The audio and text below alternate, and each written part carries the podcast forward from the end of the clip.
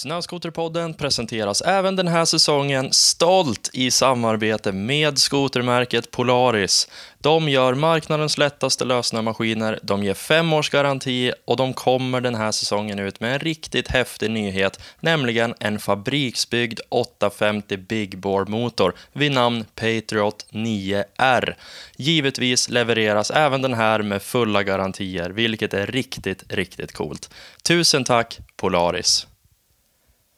Det här avsnittet sponsras av inga mindre än Fågelsta släpvagnar.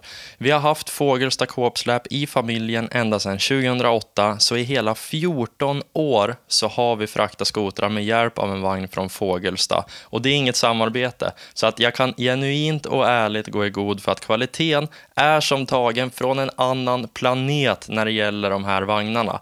När du köper en splitterny Fågelstavagn så får du dessutom tre års garanti bara för att vara helt på den säkra sidan. Men helt ärligt så är det knappast någonting du behöver tänka på. För en Fågelstavagn kan man i stort sett ha livet ut utan bekymmer. Fågelsta är helt enkelt synonymt med ordet kvalitet och det har du som lyssnar mitt ord på. Nu, kära poddlyssnare, när ni vet vilket släpvagnsmärke ni borde spana in så river vi igång dagens avsnitt med mannen, myten, legenden Andreas Bergmark.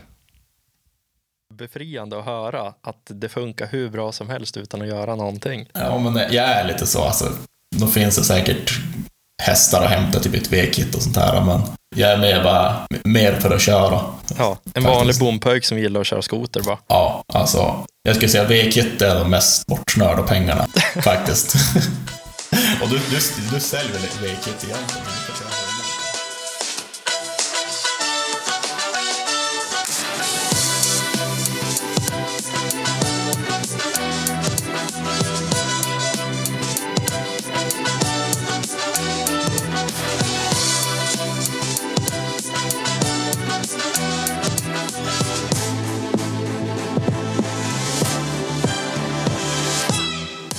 Allihop och välkomna ska ni vara till ett nytt avsnitt av Snöskoterpodden. Hoppas allt är bra med er. Vi befinner oss just nu i slutet av oktober. Skoterns dag är på intågande och skoterpeppen börjar i vanlig ordning infinna sig i kroppen. Sjukt kul och äntligen börjar närma sig skoteråkningen på riktigt. Det är dags för mig att presentera det fjärde tiotalet, alltså avsnitt nummer 40 i ordningen. Fjärde vintern och 40 avsnitt. Det är helt sjukt. Och i dagens avsnitt så har jag bjudit in en person som jag har väntat på riktigt länge att ha med. Han har 80 000 följare på Instagram. Han är känd för sina sjuka hopp och galna whippar. Han är helt enkelt en av de bästa, eller rent av den bästa, inom sin nisch. Det vill säga att köra riktigt jäkla stort. Andreas Bergmark, det är en ära att ha dig här. Varmt välkommen till Snöskoterpodden. Men, eh, tackar, tackar. Det är smickrande ord. Det är, alltså, det är jätteroligt att ha det här. Ja, men eh, det är kul, kul att få vara med. Eh, spännande. Jag, jag gör ju lite såna grejer. Jag har ju hållit mig lite undan nästan. Va, vadå nästan? Du har ju hållit det undan. Du måste ju säga som det, det, det finns lite grejer där ute ändå. Jag har gjort lite grejer åt Lynx och sådär. Det finns, det finns lite grann ute på, på YouTube och sådär, men ja, det är väldigt lite. Lynx har på sina kanaler ganska, har ändå en del på mig. Det har kommit ut nu, eh, eller relativt nyligt, typ senaste ja. vintern. Ja, men jag tror förra, förra, förra vintern, eller om det är två år sedan, då släppte vi en dokumentär faktiskt om. Ja, så, så den, var det. Den finns ju ute, men i övrigt så är det väldigt lite om mig kanske, utan det är ju det lilla jag postar på Instagram. På ja. videoklipp där vi kör. Eh. Men alltså, det är det här som jag tycker är så sjukt intressant med dig. Att du är ju, du är tokkänd. Som sagt, 80 000 följare på Instagram. Alla vet ju vem Andreas Bergmark är.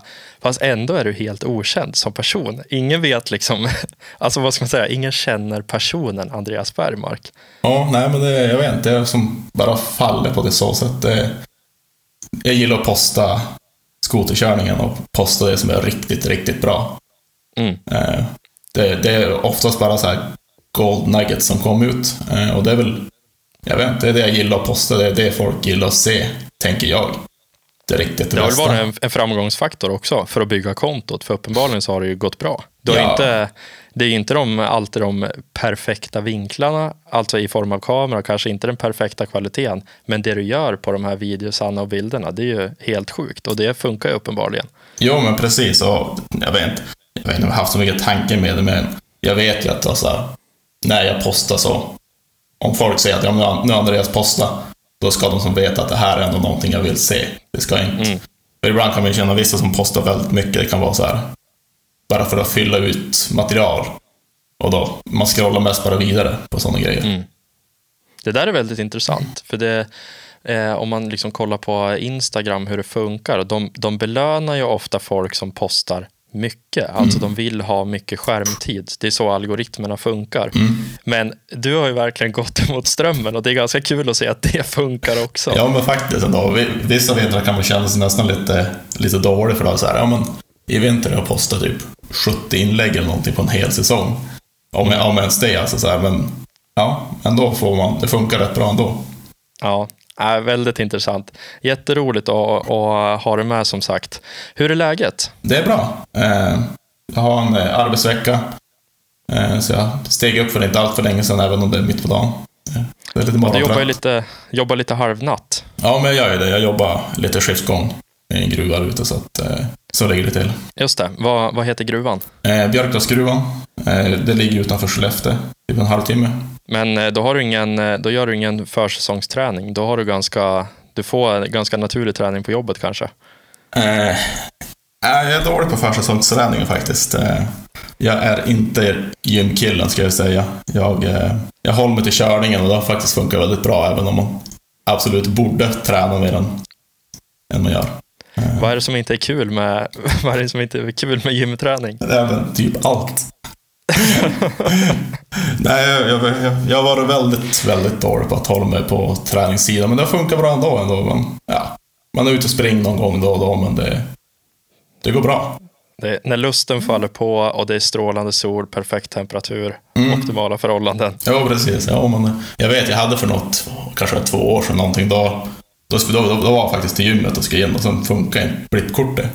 När jag skulle in på gymmet, fan, ja, drog ner till hon i reception och surrade med honom. Bara, du, alltså mitt gymkort det funkar inte, jag tar mig inte in. Och då, hon bara, ja men eh, det, det har ju gått ut ditt årskort. Jag bara, "Jaha, oj, ja men du, eh, då får väl förnya det. Ja. Sen knappade hon på datorn, kika och sen tittade hon på mig och sa, bara, du, eh, årskort, du har varit på gymmet tre gånger. Så att eh, jag bara, ja, just det, ja men då, då kanske inte vi behöver. Vi behöver kanske inte ha ett nytt årskort. Ja, vad roligt. Sjukt roligt. Ja, nej, men jag, jag, jag, jag, förstår, jag förstår ändå. Alltså, det är någonting med den där gymmiljön som är...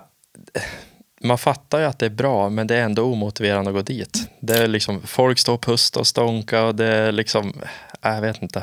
Ja, Det är, det är ingen njutning direkt. jag är lite avundsjuk på folk som ändå ser det roliga i det. Det är ju det är nyttigt det. Alltså det är bra, men Ja, exakt. Ja, men så är det. Du, eh, ja, som sagt, man vet ju ingenting om dig i, i, i det stora hela. Jag vet att du bor i Skellefteå, jag vet att du älskar att köra skoter. Men vem är du egentligen? Så vart är du, vart är du född någonstans? Eh, Ja, men jag är född utanför Skellefteå i en liten by som heter Fällfors.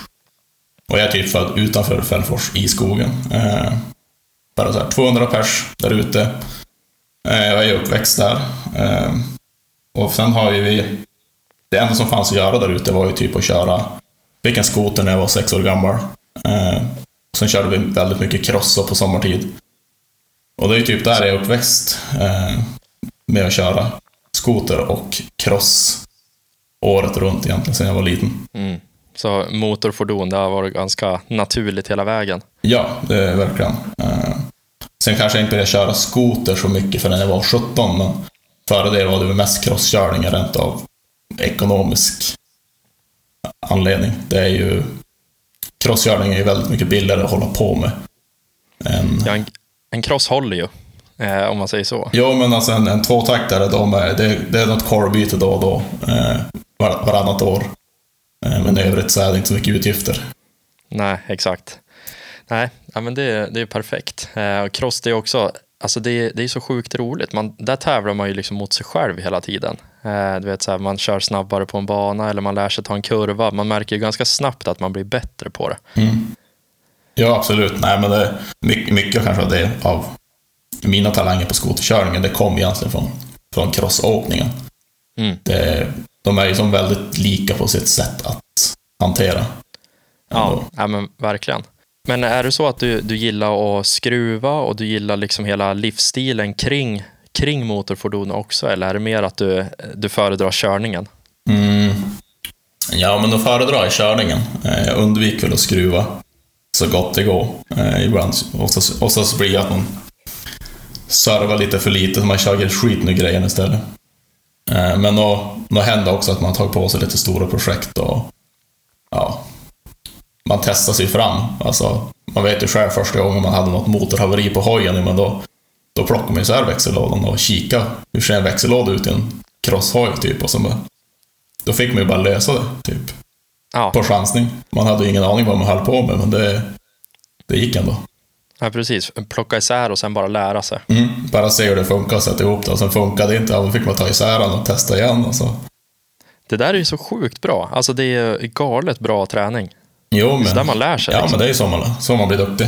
Eh, sen har man gjort många misstag. Jag vet någon gång, typ så här, när jag var lite äldre, glömde att fylla olja i växellådan, för att körde. Eldade upp typ varenda drev och lager i hela växellådan bara för att man, man är glömsk. Lite onödigt, men eh, ja. Det är sånt som händer. Ja, du, lär, du fick lära dig den hårda vägen. Ja, verkligen. Men eh, Ja, ja men eh, det, det är ingenting negativt nu. nej då, gud då. det, det är bara en mer erfarenhet. Exakt.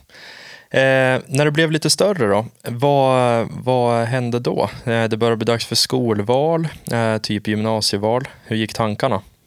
Ja, men det var ganska naturligt. Då. Jag var ju mycket in på fordon, tyckte var kul. Jag for, jag for mot fordons och anläggning.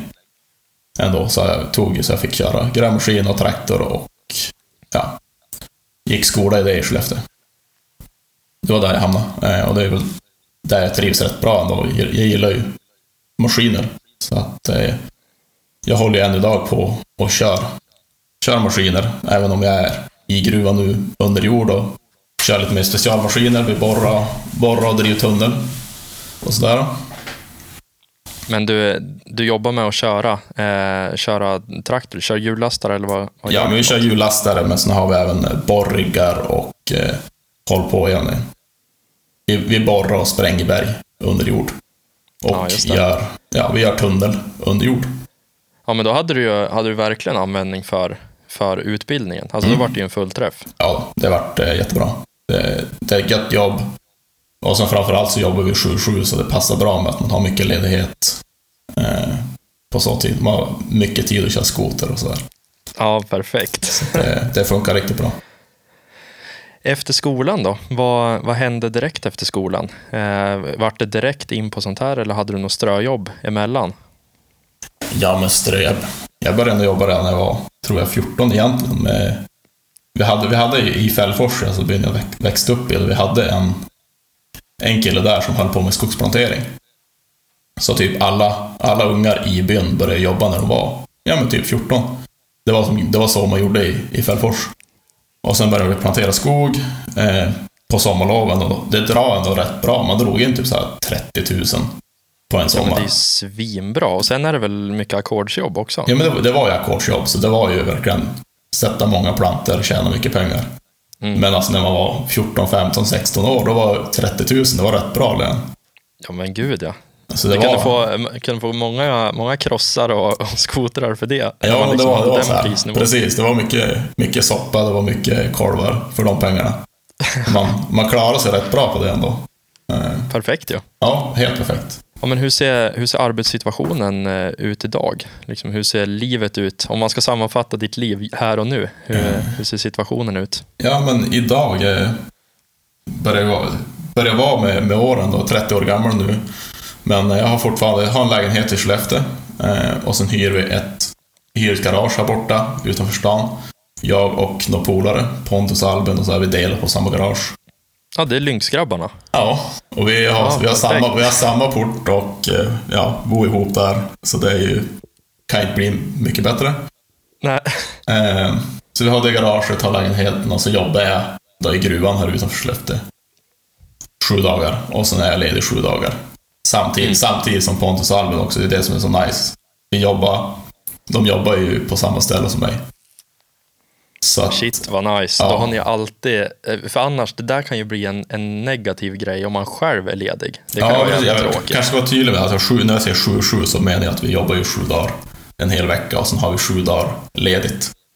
Mm. Så på, på måndagar kan vi gå på ledig vecka tillsammans. Och jag säger, ja, vad ska vi göra i veckan då? Ja, men, då kikar vi, ja men fan det snöar i Hemavan. Ja men ska vi dra upp tre dagar och köra? Ja, då drar vi upp så här måndag, onsdag, kör skoter, ska man dra hem en dag. Det, är, det funkar sjukt bra på så sätt. Det är- Shit vad grymt. det är ju som, det är ju som uppgjort för att köra, köra mycket skoter med den skiftgången. Mm. Ja, men det är perfekt. Ja. Men eh, har, visst har du också haft så att du, du har varit ledig lite längre perioder vintertid? Typ när du Ja, nu varit i sista, USA och nu sista vintern nu och eh, även kommande vinter nu har ju mm, tack vare Lynx, alltså vi har så bra samarbete.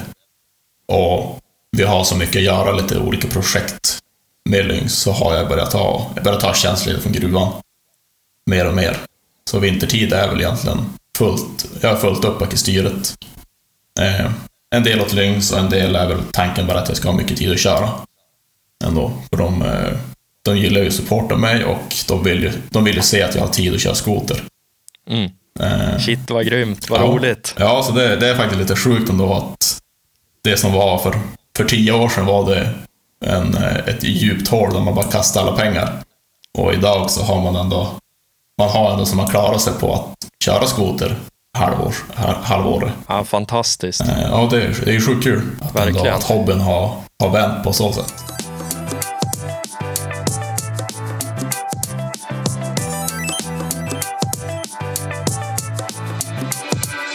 Men om vi, om vi backar bandet lite grann. Liksom, hur gick det till när du började köra skoter? Eh, du sa att du fick en skoter när du var sex år, men hur har det liksom utvecklats genom åren? Ja, jag, men jag fick ju någon gammal skoter när jag var liten av farsan och morsan. Bara en skidelan och den där, han fick ju vara med länge. Men sen då, när jag var 17 där, då hade jag ändå råd att köpa mig en egen maskin som var lite bättre. Jag tror det var en Polaris... Vad var det? Polaris XC600 vad de heter.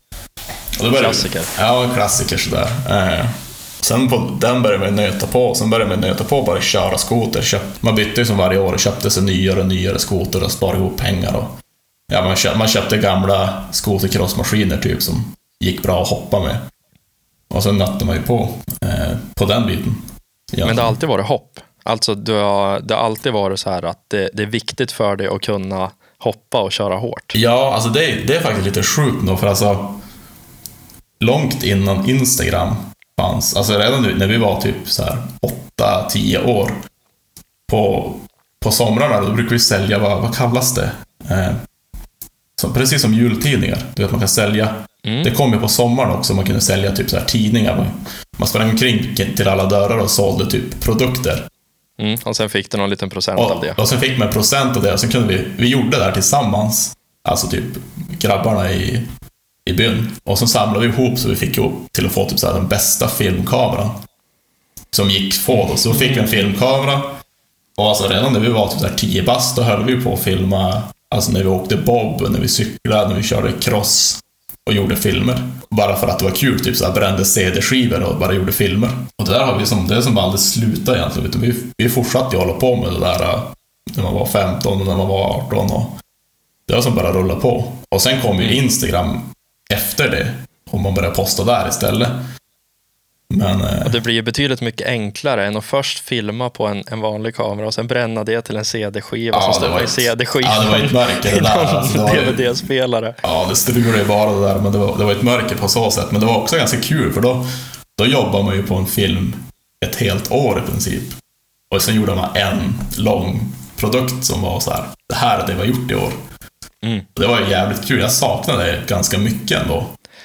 Ja, men det blir kanske en annan... Eh, alltså det, det blir ju mer av ett, eh, av ett verk, eller vad man ska säga. Ja. Du vet, så här, man lägger ihop allting, det blir någonting större. Det är inte bara att man kastar ut ett snabbt klipp och sen är det borta. Nej, precis. Det var, det var faktiskt, jag saknade mycket just för att det var så här en gemenskap, man gjorde någonting tillsammans med polarna, man filmade, och sen satt man och redigerade så här på kvällarna och så här, försökte verkligen skapa någonting bra. Mm. Och sen efter flera månaders slit, då hade man det och var så vad fan det här, fan kung, kul. Exakt. Medans- Det blir liksom en, en, en ny dimension av, av skoterintresset. Ja, sätt. precis. Eller det blir så flera delar i det. Ja, precis. Medan idag är det så jäkligt mycket bara så här, fyra sekunder, klipp. Det är sånt som folk gillar att se. Det, det, får aldrig ta, det får aldrig ta längre än liksom 10 sekunder, då blir det tråkigt. Ja, precis. Det, och det är lite tråkigt ändå. Jag har, jag har lite planer faktiskt på att göra någonting annat som är lite mer engagerat så här. Eh, Vi har, vi spånat lite. Mm. Men, Spännande. Ja. Är det något du vill berätta om? ja, men jag vet inte om, jag vet inte jag ska säga så mycket om, så mycket om det. Vi, vi funderar mycket. Vi har pratat om det här i flera år. Men det är en sån här grej som vi pratar om och pratar om. Det händer inte. Vi är lite lata. Det är bara att eh, sätta ner spaden i jorden och börja. Ja, absolut. Jag har, ja, vi har några idéer, men eh, ja, vi får se. Det finns något intresse, tror jag absolut, att det skulle göras någon längre film. Det är många år sedan någon gjorde någonting sånt. Men det är också, Verkligen. men jag vet ju också hur jäkligt mycket jobb det är. Det, det krävs lite timmar. Mm, det krävs Eh, lite och- timmar och kunskaper och sen idag är det så tungt med musikrättigheter och sånt där. Det- är inte lika, det är inte lika simpelt att komma ut med det. Nej, exakt. Nej, men jag tror att eh, Rough Riders lämnade nog ett ganska stort tomrum. Eller Mm. det, det är jättemånga i skoterbranschen som pratar om det hela tiden. Liksom att det var en sån jäkla kul grej. Ja, och nu, men- nu är det ingen som gör det där liksom på den seriositetsnivån. Nej, precis. Och det, precis som Rough Rider lämnade, så det känns- jag vet inte hur många år sedan det är nu de la ner. Alltså, det måste ju vara åtta år sedan eller någonting. Jag vet inte det är. Ju svinlänge Ja, sedan. är en, jag tror att det var 2015 var sista filmen. Ja. Och det är ändå, alltså, trots att det är så länge sedan så har de ju fortfarande, alltså, de lever kvar. För att de, de lämnar ju så jäkla tydligt avtryck.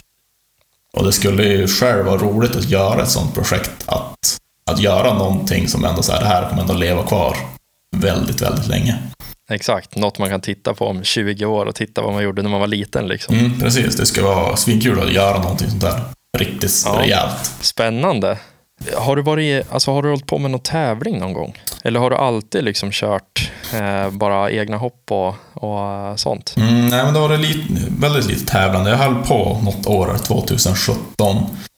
Då körde jag någon backtävling. De hade uppe i Kobbelis, körde med backtävling där några år. Tim Marklund. Och några andra brukar engagera så var jag uppe och körde backtävling mest bara på ploj. Eh, och det var ju, det är ju svinkul. Backtävling är ju, det är nice för det är så här, det är korta hit, man kör typ två, tre minuter. Och det är ju starterna som är roligt för det är ju då det är brunkigt och det är, Mm. det är då det är spännande. Så backtävling, det var, det var roligt faktiskt på den tiden när de engagerade. Arrangera sånt, det, det var fränt. Det ställer inte samma krav på, på maskinerna heller. Eller, alltså, missförstå mig inte, men eh, liksom, skotercross det är ju en helt annan nivå. Det ska ju Ja. vara, alltså, där måste man gå all in för att det ska funka. Men en backtävling går ju ändå att ställa upp med med en eh, relativt standardmaskin. Ja, och men ändå då- göra precis. det bra och ha kul. Precis, man kunde egentligen dyka upp med maskin man hade i fjällen. Ja. Och de, de, de funkar väldigt bra för sån, sån tävling ändå. Och det var lite mer ploj och lite mer på skoj bara, så det, det var nice. Eh, Men det, är ju, det har ju som dött ut det där också. Det är väl ingen som styr upp det längre. Nej, det är skärpning till, till sk- Skotersverige. Både med filmning och annat. Det känns som att man, eh, vi behöver lite sånt. Ja, men jag saknar mycket sånt där ändå. Det, det var fränt. Nu var vi körde, jag var och körde backtävling nu i, i vintras ändå med, med Emil Arling och Oskar. Jackson Hole. Ja, den var vi också på faktiskt. Halkade igen lite snabbt. Eh, Lite roligt att du, att du inte nämner Jackson Hole som är typ det största backtävlingen som finns. jag tänkte mer på tävling uppe i var det, Klimpfjäll. Ja, just det. Ja, den, den var ju roligare den. Det var en rolig helg. Kan du inte berätta lite grann om den helgen? Eh, nej, men det var bara allmänt nice att bara och köra tävling i, i Sverige, alltså backtävling. Så här, det bara så god stämning alltid när folk är där och folk äggade. Det alltid kul bara med hela grejen. Även om tävlingen i sig inte är så jäkla viktig, så det var kul att se Ja, allt folk. ja, men det, det är liksom grejen med att samlas, snacka lite skit samtidigt som tävlingshornen växer ju också ut. Det är ju någonting visst Ja. med att få den där adrenalin på slaget. Ja, lite grann ändå. Så är det absolut. Men eh, Du, är- du är ju en av frontfigurerna, vi touchade ämnet lite grann eh, här löst innan, men du är en av frontfigurerna för Lynx. mm. Eh, hur, eh, hur kom du i kontakt med dem och hur började det samarbetet? Ja, det smög sig väl på lite sakta där. Jag skaffade mig ju... Köpte ju första Lynxen 2000... Jag måste tänka, det var 2014 jag hade han var begagnad. 2015 började ju. Jag räknar alltid åren med... Jag tänker på vilken modell jag hade. Det är som alltid koll vilket år det är. Eh, nej, men 2015 då, då skaffade jag första Lynxen och så känner jag ganska bra en handlare här i Skellefteå, Joel Nilsson eh, på Eson. Eh, och han såg ju ganska tidigt ändå att fan, Andreas han har ju ändå potential typ, så han snackade ju upp mig till Lynx. Egentligen och var som han, han öppnade upp portarna. Och på den vägen var det ändå så här, ja men det kanske inte fanns ett riktigt ambassadörsprogram på den tiden på, på Lynx. Men eh, det började ju någonstans där att de började hjälpa mig, fick ju hjälp med maskin och allting och så genom åren varje år eftersom vi fick mer och mer uppmärksamhet på Instagram så har det som bara växt. Och idag är det ju de enda sponsorerna jag har, de, de backar mig på alla fronter eh, och ser ju till att jag kan köra hur mycket skoter jag vill. Jättebra samarbete. Ja, ja men gud ja. Eh, och jag började ganska tidigt ändå så här inse att jag behöver inte... För många, många kanske jobbar med väldigt många sponsorer för att få ihop det. Alltså de, de har tio sponsorer för att få alla delar. Eh, jag slutade med det ganska snabbt bara för jag kände att Lynx har allt. De kan hjälpa mig med alla bitar. Eh, så jag kommer att satsa helhjärtat på dem och det har jag gjort. Eh, och det har ju också gjort att de har uppskattat mig mera. Och att vi har ju kommit väldigt nära varandra i vår relation i arbetet. Mm. Hur, hur ser arbetsrelationen ut er emellan? Alltså, för du är med, som jag har förstått det så är du med och utvecklar lite skotermodeller också. Jag vet till exempel på nya 2023 Lynxen så finns det, vad är det väl, eh, soft, medium och sen Bergmark är det på Ja, det klickerinställningen. Jag trodde det där var bara något internskämt de gjorde. Jag- har i alla fall hört det. det kan, jag har inte sett det live, men jag tror att det är så. Eh, jag, tror det var, jag, tror, jag tror de gjorde något internskämt på det där alltså när de presenterade för handlarna, tror jag. Det var det. Jaha, så var det. När de presenterade för handlarna den nya modellen, då tror jag de hade gjort lite internskämt. eh, Så här, soft, medium och så Bergmark. På, på hårdaste. Eh, men de är ganska, Lynx är ganska roliga på sådär sätt. De gillar, de har lite humor. Men de är ju lite, lite hillbillies. Eh, alltså Skido känns ju mycket mer strikt. Ja, precis. att Det är ändå samma koncern och typ samma märke, men eh, det är helt olika inriktningar. Mm, nej, men Lynx, de är, som, de, är, de är lite mindre, de kom från Finland, de är lite mer tight. De, jag tror de, de är lite mer fri, fria att så här, göra såna grejer. De är inte så himla lika seriösa på så sätt, utan de, de är ändå okej med att leka lite. Sådär. Mm, exakt. Utan, Men nu är ni ju, alltså det är ju alla, alla polare som du har runt omkring det. Eh, och ni, alltså ni är ett bra gäng. Hur många är ni? Ni är typ fyra stycken i Sverige. eh, ja, i Sverige är vi fyra stycken nu. Glöm, nej, fem stycken blir vi med Marielle också. Mm. Eh, vi har ju Marielle, Pontus Lundmark, Albin och eh, Tobbe Hellström. Som är som just det. brand ambassadors för Lynx. Mm. Är vi. Vad, vad har ni för krav på er då? Du säger att eh, du målar upp det här som att du liksom, ja, men de tycker det är kul när du kör lite skoter och sådär. Men eh, är, ställs det mycket krav också? Känner du att du måste Nej. hoppa större? Du måste Nej, köra alltså jag har aldrig, det är det som är så nice också, utan det har aldrig varit krav på så sätt. Utan det är ju så här bara, de hjälper oss och säger bara gör era grejer, gör det ni tycker är kul. Inga så här att du måste, det här och det här måste göras. Eh, så att på vårt Instagram har alltid varit helt fritt, gör vad ni vill. Alltså. Eh, sen har vi fått, det är det som kanske blir lite mer arbete med Lynx, att som du nämnde, att lite så här nyare modeller och sånt här, man har fått börja arbeta för dem att vara... Ja, men när det ska filmas nya modeller får man vara chaufför och arbeta med det. Eh, Fy vad tråkigt. Ja, jo, precis. Det är skittrist. eh, nej, men det, det är ju sjukt kul ändå att man får alltså, lite i förtid se vad det är som kommer egentligen och sen även börja mer och mer arbeta och ge feedback på de nya grejerna. Bara så här, ja men det här ser jag som ett bekymmer, det här kanske vi kan göra bättre. Alltså, ändå ge lite feedback på maskinerna och hjälpa till att styra det mot vad jag tror är framtiden. Hur, hur långt innan får ni veta nyheter? Mm, så kort tid som möjligt fun så funkar det. Det är, det är väldigt så här... Vet, före man får se en ny maskin som inte är släppt, då är det ju papperssekretess och sånt här. Och de, de släpper ju på ingenting om inte man behöver veta det. Men det, ja, det kan vara några månader hit eller dit beroende på vad man ska göra. Mm. Spännande. Ja, ja men det, det är kul. Vad, eh, alltså det finns ju flera olika dimensioner av, av ditt skoteråkande. Vad är, det, vad är det absolut roligaste tycker du? Eh, absolut bästa med skoterkörningen, det är väl det är ju de här drömdagarna när det är sjukt bra väder. Och man är bara så ett skönt gäng som är äggade. Eh, oft, oftast är ju våråkningen, det är ju favoriten. Eh, för då är det ju varmt, det är skönt och bara hänga. Man kan käka god mat och så det är som bara så här gött häng på fjället.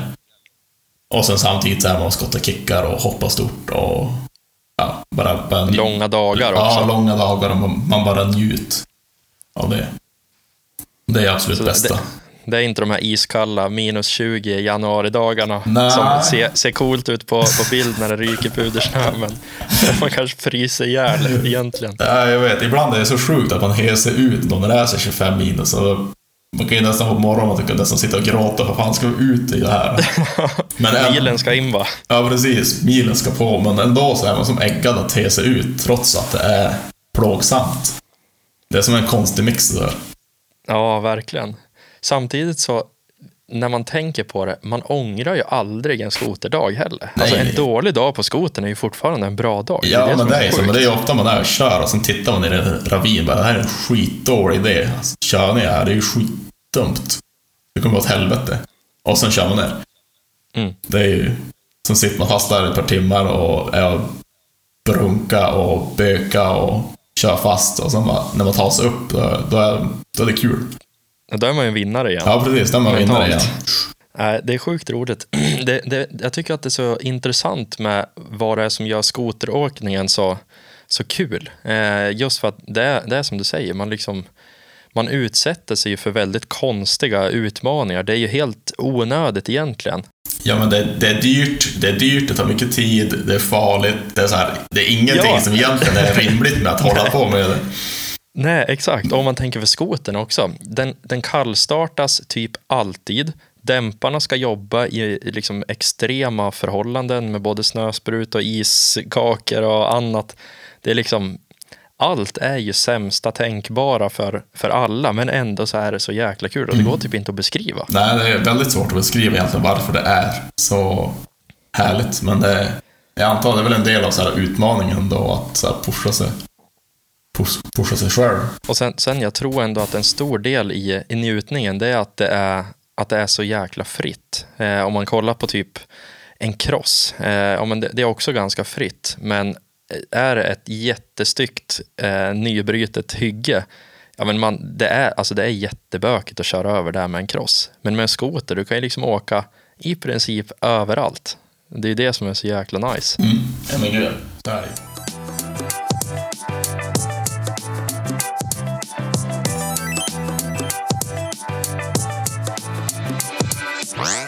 Vilket är ditt bästa skoterminne? Går det att sammanfatta? Oj, oj, det är så många.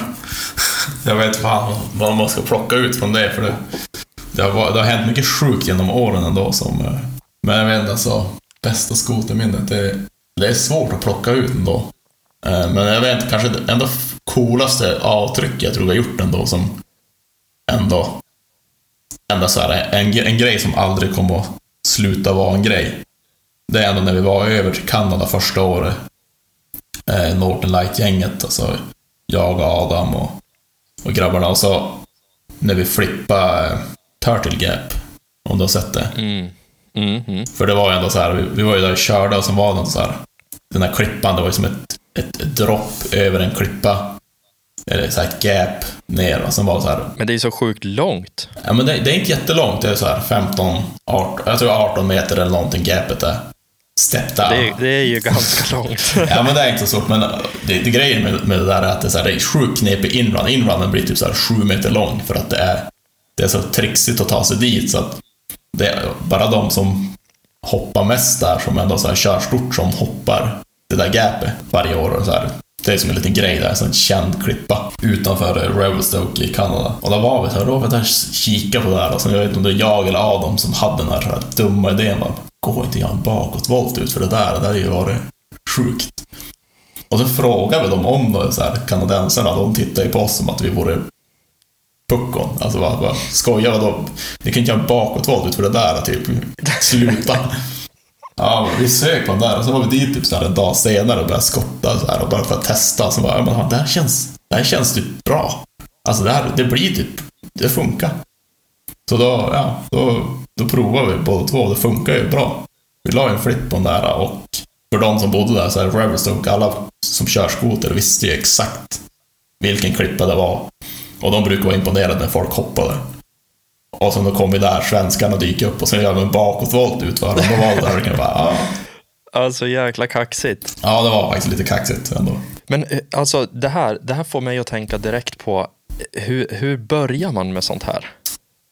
Ja, Alltså hur, hur har din utveckling sett ut? För det här är ju ingenting som man bara så här, ja men fan lite skönt att dra en bakåtvolt här, vi testar och ser om det går. Alltså det kräver ju sin planering och, och träningstid innan. jo, så är det ju. Alltså, jag började, jag har ju flyttat på cross egentligen första gångerna. Eh, började ju typ när jag var 16, då började vi hålla på med cross, crosskörningen. Och det var ju före, vi började på vintertid, det var det som var sjukt också. Jag började på vintertid, vi la lastpallar i snöhög för att göra en ramp och sen gjorde vi, för att öva bakåtvolter så hoppade vi ut i snön med, med crossen.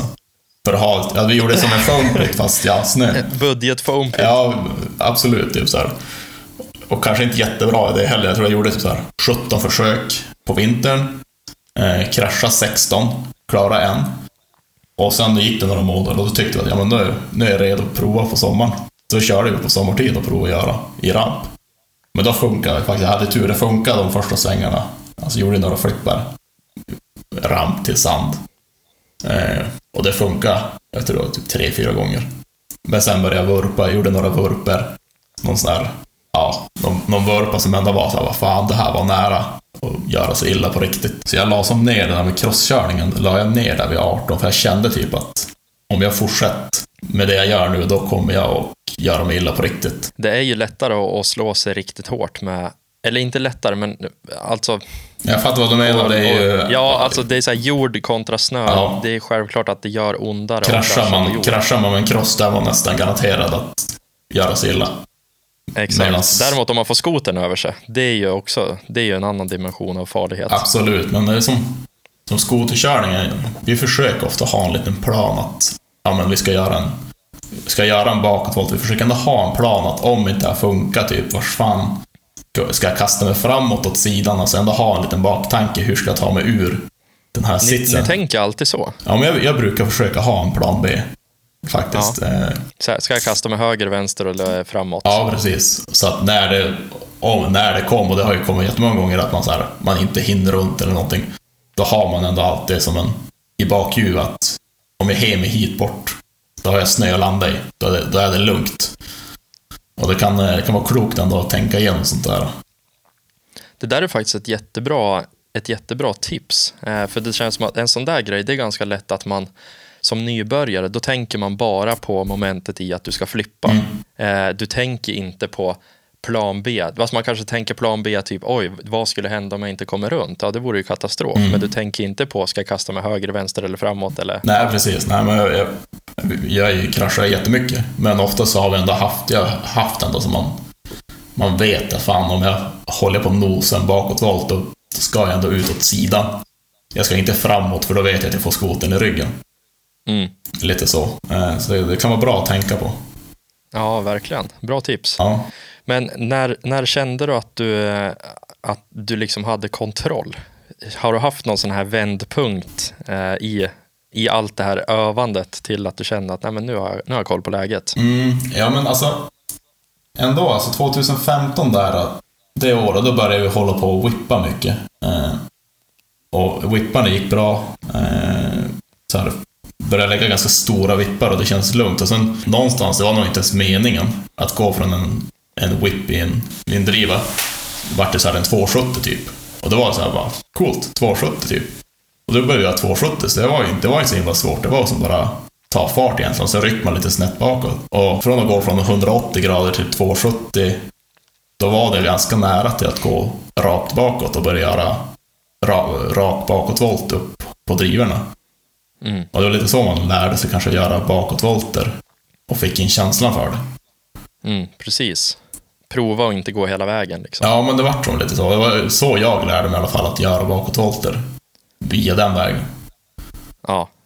Ja, precis. För om, om, du, om man kör en, eh, en 180 eller 270, då det blir ju inte det här samma aggressiva att man löper risk att, att nosa. Nej, du är, speciellt på en 270. Eh, 270 kan ju, alltså det ser jävligt coolt ut, men du är faktiskt säkrare till på en 270 under rotationen. För att om, säg att du underroterar en 270, då, även om du sitter kvar på skoten och landar nos, då kommer du landa på bredvid skoten så att säga. Alltså skoten slår inte ner i ryggen på dig, utan skoten kommer slå ner bredvid dig. Precis. Och, så att en 270 är oftast ett säkrare alternativ på så sätt, om man är lite osäker att kommer ha rotation som behövs. Medan en bakåtvolt är ju värre. Mm. Ja, men exakt. Eh, vad, vad är dina bästa tips för en, eh, en nybörjare? Hur, eh, hur kommer man igång? Liksom? Eh, små steg, ska jag absolut säga. Eh, alltså, börja, börja smått och nöt och nöt och nöt. Alltså, jag vet inte hur många timmar jag har, men alltså, med crosskörningen, alltså, det är ju så här, mer än 10 000 timmar bak i styret. Och det är ju verkligen så här, har man ett hopp, hoppa det en miljon gånger. Bara kör runt, runt, runt, små, små, små hopp. Så att det känns ju som att man går. Det man är så säker. Mm. Man, man, ska inte, man ska inte tänka att ah, ja, men det, det är lugnt, jag, jag drar bak rampen fem meter. Utan hellre hoppa hundra hopp extra på den korta distansen. Ja, men precis. precis. Alltså, man ska vara så trygg på det man gör och sen bara öka på det sakta, sakta, sakta. Finns det något man kan göra för att så här, lägga till lite utmaningar? Alltså ska man, tycker du att man bör träna på eh, stå upp och hoppa, sitta och hoppa, alltså typ så här, man lär känna fjädring och sånt där. Jag vet inte, skoterkörningen är som, det är nog mer bara tid ska jag säga ändå. Tror jag framförallt är viktiga tid, alltså tiden att nöta. Eh, cross, crosskörning har man ju tränat lite grann, då kör man mycket enhandskörning, alltså man kör med en hand på styret och sånt där, men skoterkörningen funkade inte, det funkar inte på samma sätt riktigt. Det är nog bara, det är nog bara att nöta på. Men du har inte kört så jättemycket ramp va? Alltså på, på skoter? Det har varit Nej. mest naturhopp? Nej, lite, lite grann rampa, men väldigt lite. Faktiskt. Eh, Det är Ja. ingen bra idé. Det är fan jävligt farligt. Faktiskt. Samtid, samtidigt som en ramp är ju alltid samma i uppgången. Det kan ju vara en fördel. Det, är- det är en fördel, men alltså det är ändå... Jag känner ändå många som har kört skoter i ramp och typ alla har ju brutit ben. Det är så här. Det är som oundvikligt på något sätt, för det är så hårda landningar. Alltså om du vurpar så är det så hårt. Så det är ju... eh, Det är farligt att hålla på med. Men har, men har du klarat dig från det? Du har aldrig brutit någonting? Nej, jag har inte. Det är helt sjukt. Ja, jag, vet, det är faktiskt helt sjukt. Jag har varit nära många gånger. Nu ska vi inte jinxa det. Jag hoppas att det inte händer Jag har jinxat det här i flera år. Det är lugnt. Nej, det är faktiskt helt sjukt att jag har, jag har haft tur, för jag har vurpat, alltså både cross och skoter, gjort några riktigt sjuka vurper. Eh, men jag har alltid klarat mig bra. Alltså jag har haft, jag har stukat någon fot så här rejält, eh, men i övrigt inga benbrott. Mm. Ja, det är ju otroligt. Och det är väl en kombo av tur och eh, att man ändå kanske skapar sin egen tur genom att försöka planera. Mm. Ja, det är väl. Ja, men och just där och ta, och ta, det, med, ta det i små steg. Mm. Som inte, inte stressa fram utvecklingen. små steg. Och sen, faktiskt det jag kan göra också, om man var ute och kört en dag, sen har man gjort en whip eller någonting. Alltså jag kan ju sitta och titta på den där videon när jag lägger whippen hundra gånger. Och sen tittar jag, vars rycker jag, vars rycker jag, hur rycker jag? Alltså, vad, alltså verkligen gå in i detalj och titta på hur, hur kör jag? Eller om jag ser någon annan, om jag ser Emil göra någonting coolt. Ja, då sitter jag och tittar på hans video. Typ. Du analyserar liksom. Ja, men fan. Alltså, då kan jag sitta och titta på Emils teknik när han går upp i kicken och hur han bryter för att få honom dit han vill. för att verkligen så här lära sig. Ja, men, så här måste man göra för att få en åt det hållet. Det där, jag har faktiskt en, eh, en egen erfarenhet av det där. Jag, jag, jag gick i crossskolan när jag var liten, så här en gång i veckan, eh, var på crossträning. Eh, Och då, då gjorde vi faktiskt det på någon träning, att tränaren stod och filmade oss. Och sen så gick vi in och kollade på en, en tv sen, eh, och då kunde man ju se sig själv så här bara, men what, varför sätter jag mig ner 10 meter från kurvan? Liksom, jag, jag kan ju stå upp, bromsa senare och sätta mig ner längre fram. Men det som i huvudet, då tycker man att Ja, men vadå, jag kör ju så snabbt jag kan. Men sen så ser man att man liksom failar på tekniken bara genom att se det med, ja, från, från avstånd. Ja, gud ja. ja. Det finns jättemycket där. Om man, om man vill lära sig så snabbt som möjligt så tror jag ändå att det är ett bra sätt att gå. Att filma det man gör, titta på det och så här, ta lärdom av det. Jämför det med andra som du ser gör, gör det. Alltså, det, det är ett bra sätt. Ja, verkligen. Eh, Enda negativa när man, när man filmar sig själv, i alla fall om man är på en eh, amatörnivå som jag är, det är att jag tycker i huvudet när jag gör saker, då tycker jag att det är skitcoolt och sen så ser man det på film, då bara nej, nej det, här, det här var inget coolt alls. Nej, det- så ska du inte känna. Det är, det är bara nöt, det är bara nöt på. Fan. Det är bara nöta, Ja. ta det i små steg. Oj, oj. Ja, det är kul. Mm. Men du, eh, din kropp har klarat sig. Eh, Du har kört stenhårt på alla sätt och kroppen har inte gått sönder. Men skotrar måste ha gått sönder en hel del. Ja. Eh, vad är det som brukar gå sönder? Har du någon sån här typisk grej som det här går alltid sönder? Alltså egentligen, egentligen är det plast, plasten är ju, den får ju stryk. Eh, skotrar är inte gjort för att landa upp och ner. Nej, Eh, och då, det säger sig själv kanske. ja, det, det säger, man får kanske skylla sig själv. Eh, så pl- plasten är alltid det som är värst. Men faktiskt, alltså de... För det, det vi gör, vi landar ju oftast, oftast har vi ändå snö. Så att det, de klarar sig sjukt bra. Alltså, så här chassin och sånt där, det går inte. De gånger jag har typ så här bytt chassi, har det ju varit att jag har varit och något år och tappade jag skotern för en klippkant och sen rullade den över sten. Och då var det chassibyte, ja men så här, ja. Ja, det var ju kanske inte, det var ju inte skoterns fel. Nej, nej. Det, och i övrigt, jag menar om man har kört in i något träd, kört in i en björk och slidit, knäckt någon A-arm så här, och fått skada på grund av det. Men av själva hoppandet, alltså det är, de, de går inte sönder av att hoppa. Faktiskt, det är, Det är helt sjukt att de inte gör det. Nej, jag vet Man jag tänker vet ju ändå att de, de måste ju knäckas vid något skede. Nej, men de gör inte. Alltså det. Är, de, de klarar det. livet på typ leden är hårdare än hoppandet. Men menar du alltså att de hoppen som du slash ni gör, de här liksom extrema hoppen där det är liksom 10 meter upp i luften och hoppar 40 meter långt, ni förstärker ingenting i chassit? Nej, eh, chassit tror jag inte. Det enda vi förstärkt det är skenorna. Okej, boogiesken. Ja, det, är, det är de som kan eh, som ger upp egentligen. Så ni förstärker liksom inget tunnel eller buk eller pyramidstag? Ing, eller något? ingenting. Ingenting och aldrig haft något bekymmer heller. Alltså, nej, det... Det är häftigt. Ja. Skoterutvecklingen har gått framåt. Ja. För 20 år sedan hade det inte gått på samma sätt. Nej, så kan det vara. Nej, men det, de, de klarar det sjukt bra. Alltså, det är ju det är, det är bogen som kan ge upp. Och speciellt om man landar, landar lite awkward, man landar på sidan eller så här. Så man, då, då tar ju skenorna stryk. Mm. Men det är, inte, det är inte så konstigt heller. Nej. Hur många dämparrenoveringar på ett år brukar du göra? Ja, men det är en gång om året. Är det så? Ja, jag. Jag, jag Ja. brukar, jag, jag, vet, jag lägger kanske 50 till 150 mil på dämparna, sen, sen renoverar jag. Ja, just det. Det är, om man ska, ska man fräscha dämpare, då ska man ju byta olja efter 100 mil. Mm. Alla gånger. Alltså det är, folk, kör ju, folk kör ju till, slut oljedämpare, men det är inget bra.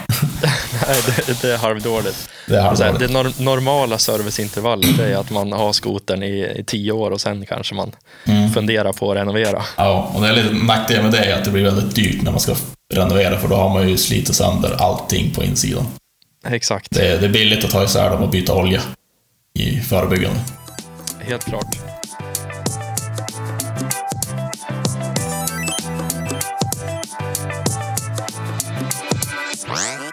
Vad, vad brukar du bygga om med dina maskiner? Ehm, ja, men egentligen det vi gör idag, det vi brukar göra, det är att vi sätter in... På försäsongen gör vi typ ingenting. Har typ greppplattor på sidan. Alltså försäsong, då menar du när det är pudersäsong? Ja, alltså fram till mitten på mars, alltså när det är ändå puder. Då gör vi typ ingenting. Alltså, eh, ibland brukar jag förstärka skenorna, men det behövs ju inte egentligen före mars. Vi gör inte så jäkla mycket på skotrarna. Är greppplattor typ, och sen kör vi dem ganska urlåga.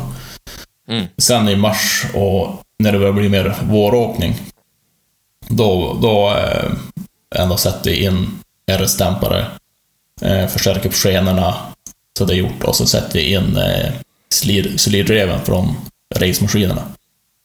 Alltså okay. såhär slipgear. Eh, sätter vi in. Men vad, vad, är det för någonting? Det har inte jag koll på. Eh, Slidrev, ja men det är ju, de har ju det i RS, alltså snöcrossmaskinerna. Det är okay. ju typ en våt lamellskoppling som sitter i drevet. Så att om det passerar ett visst vrid, alltså om du får ett ryck som är jättekraftigt ja, typ, i mattan. Typ att man landar med full gas till exempel. Ja, precis. Då slirar drevet istället för att slita av kedjan eller att eh, ja, dra dreven eller någonting annat. Ja, just det. Du måste svarva lite grann i kedjehuset för att få in dem och Aha, det, okay. det, det, är lite tricks. Eh, ja, ja. Men det, det är inget problem att göra och så här, är det någon som själv vill ha sånt här, som har bekymmer att de kör sönder grejerna. Så det är, jag har bilder, det är bara att skriva. Kan jag skicka hur vi gör. Ja, men grymt. Ja, det är inget problem. Men jag vet inte vad de kostar, de kostar ändå. De är ganska dyra de här slirdreven att hålla igång. Det är väl det som är nackdelen. Just det, men det här, det gör du bara på våren? Ja, men det är mot våren. Alltså det är ju... Ja. Men det, när snön är för hård, helt ja, enkelt. Men det funkar, alltså ska man göra en, ska man göra en whip, 180 whip upp i en driva, och sen om du landar med mattsnurr på 120 blås, och sen till dyngpall nere i snön, alltså då är det någonting som kommer gå sönder. Och det, så är det på alla skotrar, oavsett märke, för det, det är så mycket energi i grejerna som ska stanna på 0,1 sekund. Precis.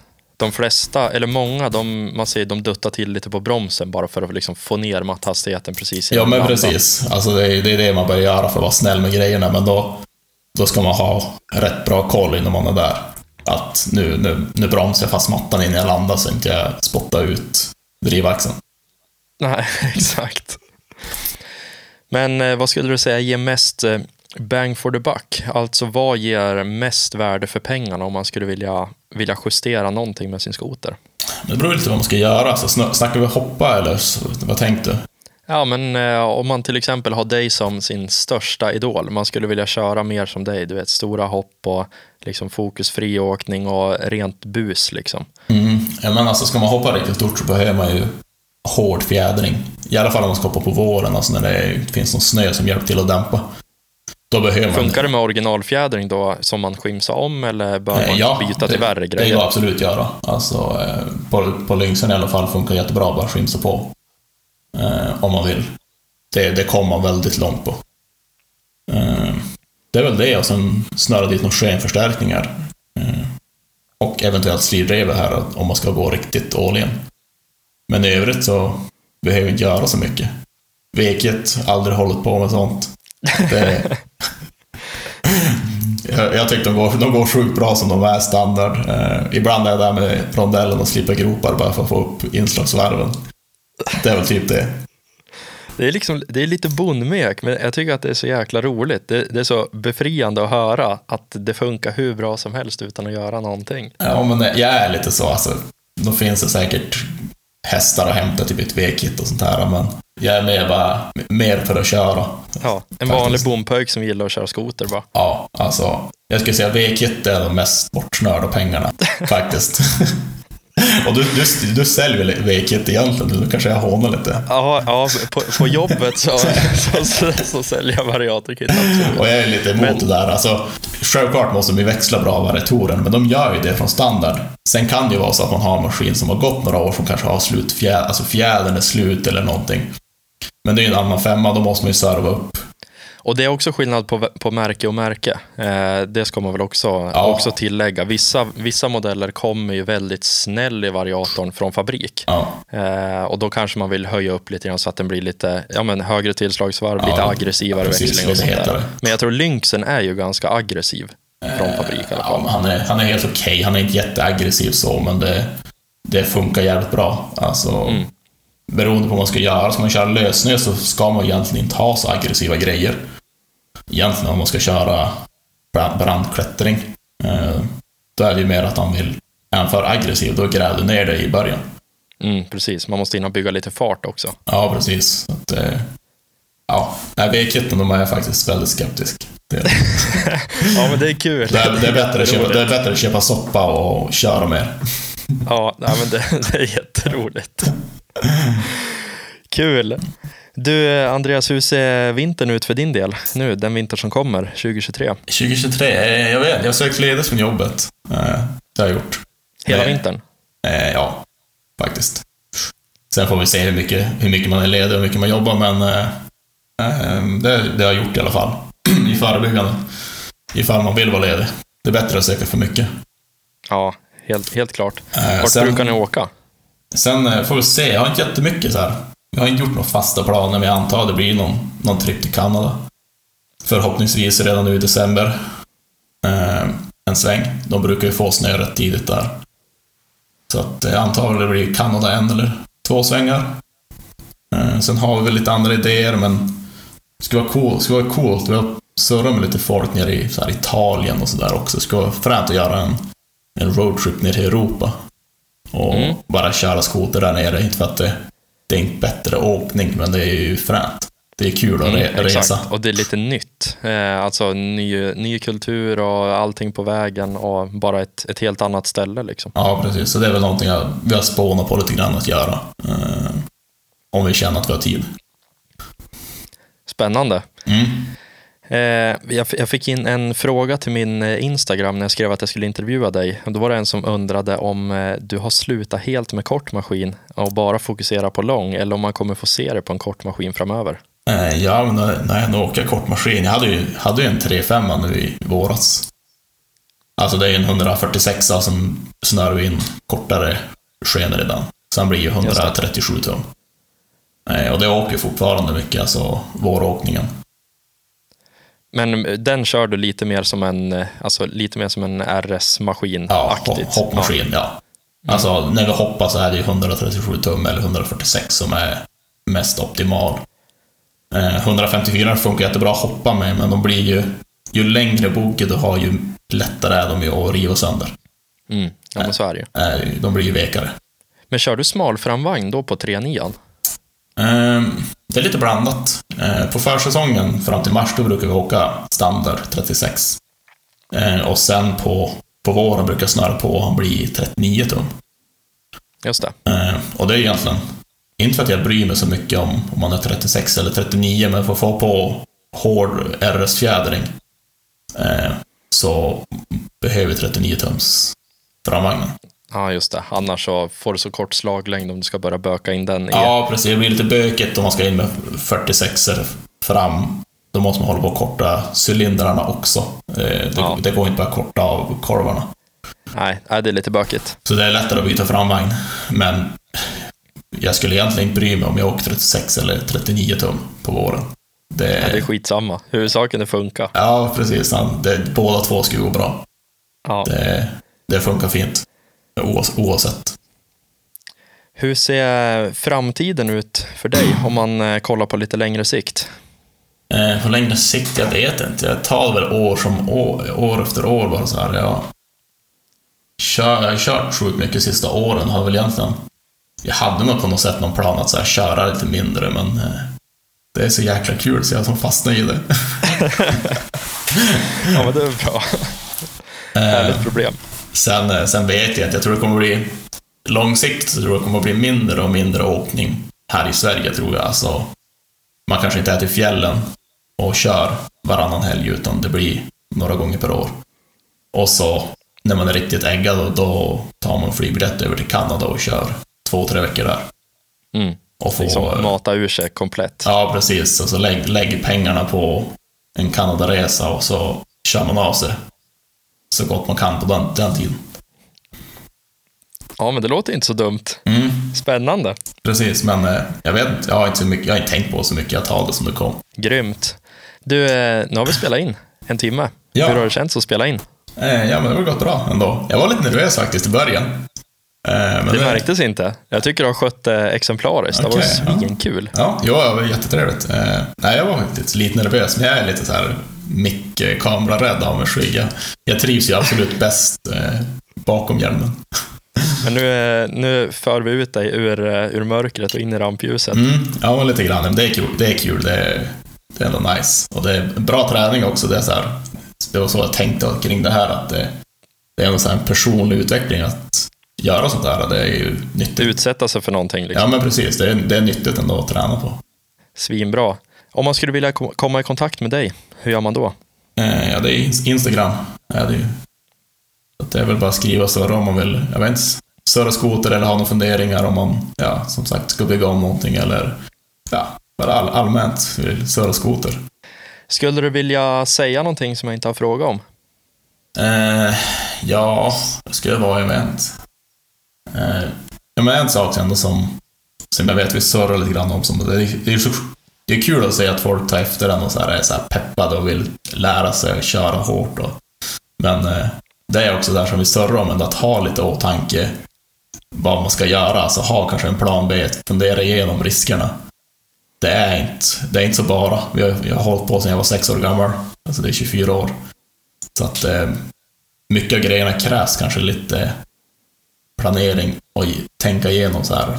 Hur, eh, hur ska vi kunna göra det här utan att göra oss illa? Det är ändå, för det är, det är sjukt tråkigt att se när folk ändå kraschar och eh, ja, gör sig illa. Det är, det är inte kul. Nej, det är ju inte det. Det är bättre att ta små steg. Ja, precis. Ta små steg eh, och lär sig på så sätt. Eh, det tror jag är det viktigaste.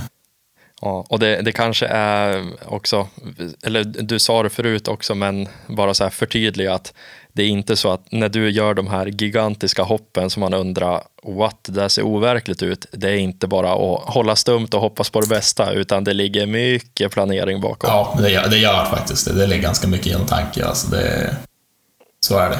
Så att, eh, mm, tänk, tänk ändå två gånger om det är värt det. Andreas Bergmark, stort tack för att du gästade Snöskoterpodden. Jätteroligt från min sida. Ja, men du, tack så mycket. Det var svinkul.